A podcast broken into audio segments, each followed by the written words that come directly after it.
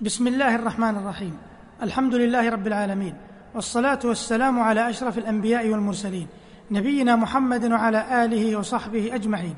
أيها المستمعون الكرام سلام الله عليكم ورحمته وبركاته.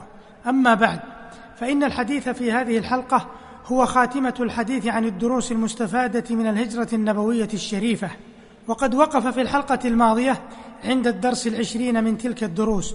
والحديث في هذه الحلقة سيبدأ بالدرس الحادي والعشرين ألا وهو عظم دور الشباب في نصرة الحق ويتجلى ذلك فيما قام به علي بن أبي طالب رضي الله عنه.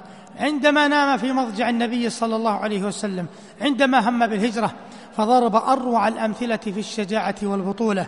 وكذلك ما قام به عبد الله ابن أبي بكر فقد أمره والده أن يتسمع ما تقوله قريش في الرسول وأبي بكر ثم يأتيهما إذا أمسى بما يكون في ذلك من أخبار. وأمر أبو بكر مولاه عامر بن فهيرة أن يرعى غنمه نهاره ثم يريحهما إذا أمسى في الغار. فكان عبد الله ابن أبي بكر في قريش يسمع ما يأتمرون به وما يقولونه في شأن الرسول وأبي بكر ثم يأتيهما إذا أمسى. ويقص عليهما ما علم. وكان عامر من رعيان أهل مكة فإذا أمسى أراح عليهما غنم أبي بكر فاحتلبا وذبحا.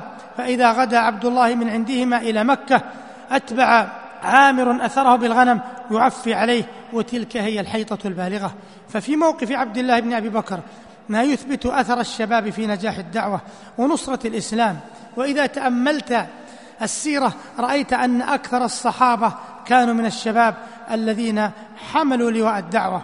وهذا درس عظيم يبين لنا أن الشباب هم عماد الأمة إذا وجهوا وجهة صحيحة على نهج الكتاب والسنة وما كان عليه السلف الأمة بعيدا عن الإفراط أو التفريط ثم أعليت هممهم ورفعوا عن سفاسف الأمور كانوا مشاعل هدى ومصابيح دجى.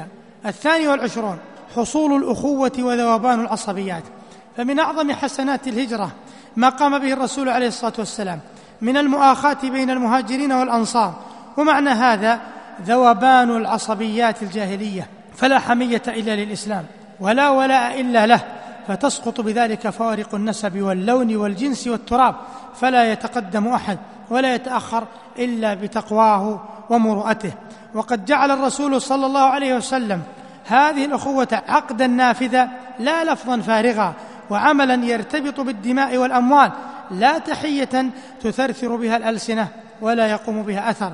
وكانت عواطف الإيثار والمواساة والمؤانسة تمتزج في هذه الأخوة وتملأ المجتمع الجديد بأروع الأمثال. ولقد حرص الأنصار على الحفاوة بإخوانهم المهاجرين فما نزل مهاجري على أنصاري إلا بقرعة.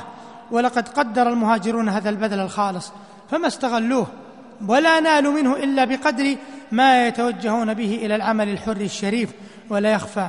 ما لهذا الإخاء من دور في البناء والرقي والتعاون. ويستفاد من هذا الدرس أن الأمة الإسلامية لا بد أن تجتمع على أخوة الإسلام وعلى كتاب الله وسنة رسوله ونهج الأسلاف الكرام وإلا أصبحت مفككة متناثرة لا يهاب جنابها ولا تسمع كلمتها.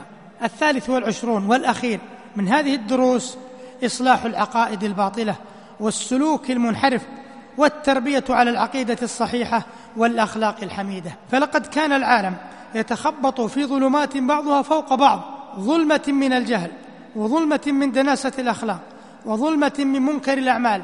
فبعث الله المصطفى صلى الله عليه وسلم ليخرج الناس من هذه الظلمات إلى نور يسعى بين أيديهم في الحياة الأولى ويهديهم إلى السعادة في الحياة الأخرى. فلقد أتى النبي صلى الله عليه وسلم بكتاب عظيم مصلح للعقائد والأخلاق والأعمال ومنظم لجميع شؤون الحياة فتدبرته فئة قليلة واتخذته قائدها المطاع فكانت خير أمة جاهدت في الله وانتصرت وغلبت فرحمت وحكمت فعدلت وساست فأطلقت الحرية من عقالها وفجرت ينابيع الحكمة بعد نضوبها.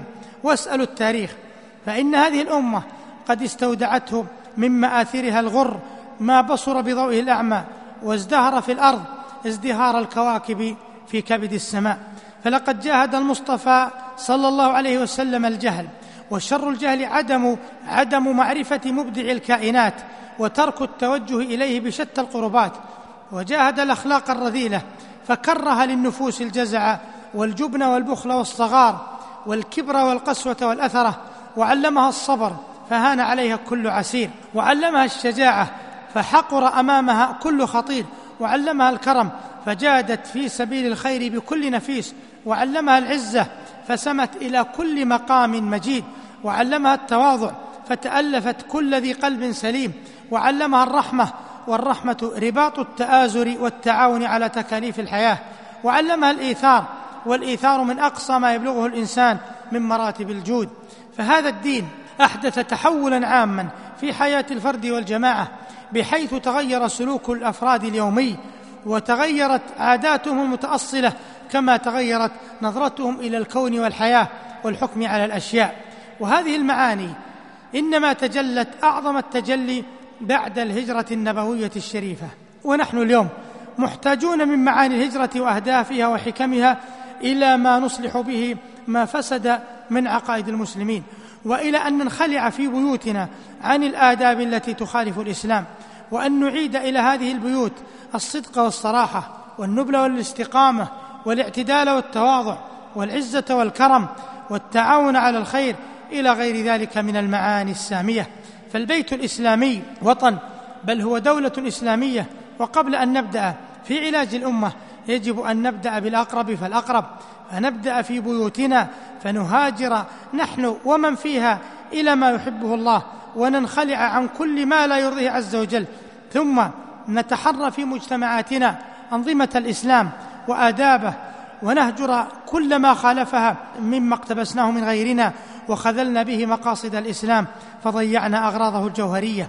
وإذا أخذنا بهذه التربية وتأصلت في أذواقنا وميولنا وتعودنا العمل بها في شتى الميادين لم تلبث أوطان مسلمين.